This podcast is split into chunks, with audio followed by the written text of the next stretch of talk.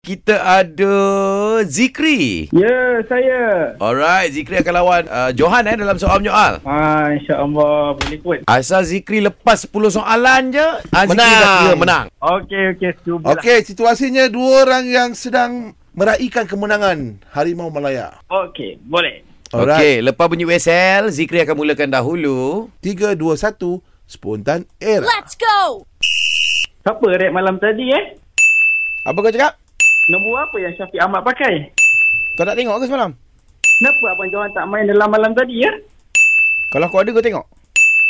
Keeper tu asyik tu burung ayah. Kenapa eh? Keeper mana?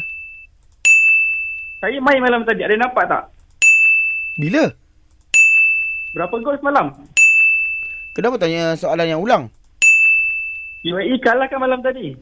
Dia lawan EYE E ke? Kenapa nombor tujuh tu asyik ganas je main eh? Dia daripada mana?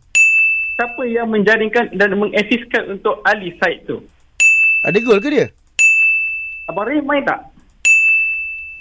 Sepuluh! Yeay! Mantap bro. Power! Tak boleh. Dia pun tanya- lari soalan dia jauh. Eh Ah, tak okey okey okey, dia Wah, okey. Dia re pula lah, main bola. Bang. Dia dia tahu kau hari rapat. Aku backup kau Zikri. Jangan risau Zikri. Baik, Johan akan umumkan Zikri menang, okey? Eh, awak siapa yang gol tadi ah? Dah dah dah dah Dah, dah, habis dah. Kau dah menang kan? Kau dah menang. Kau dah menang Zikri. Tak tak, saya tengah cakap dengan kawan saya ni. Ni ni. Okey, saya saya je sambung, ya saya, ya saya. Ya, saya. Ya, yo win. ya ah, Abang Johan ke tu? Ya saya.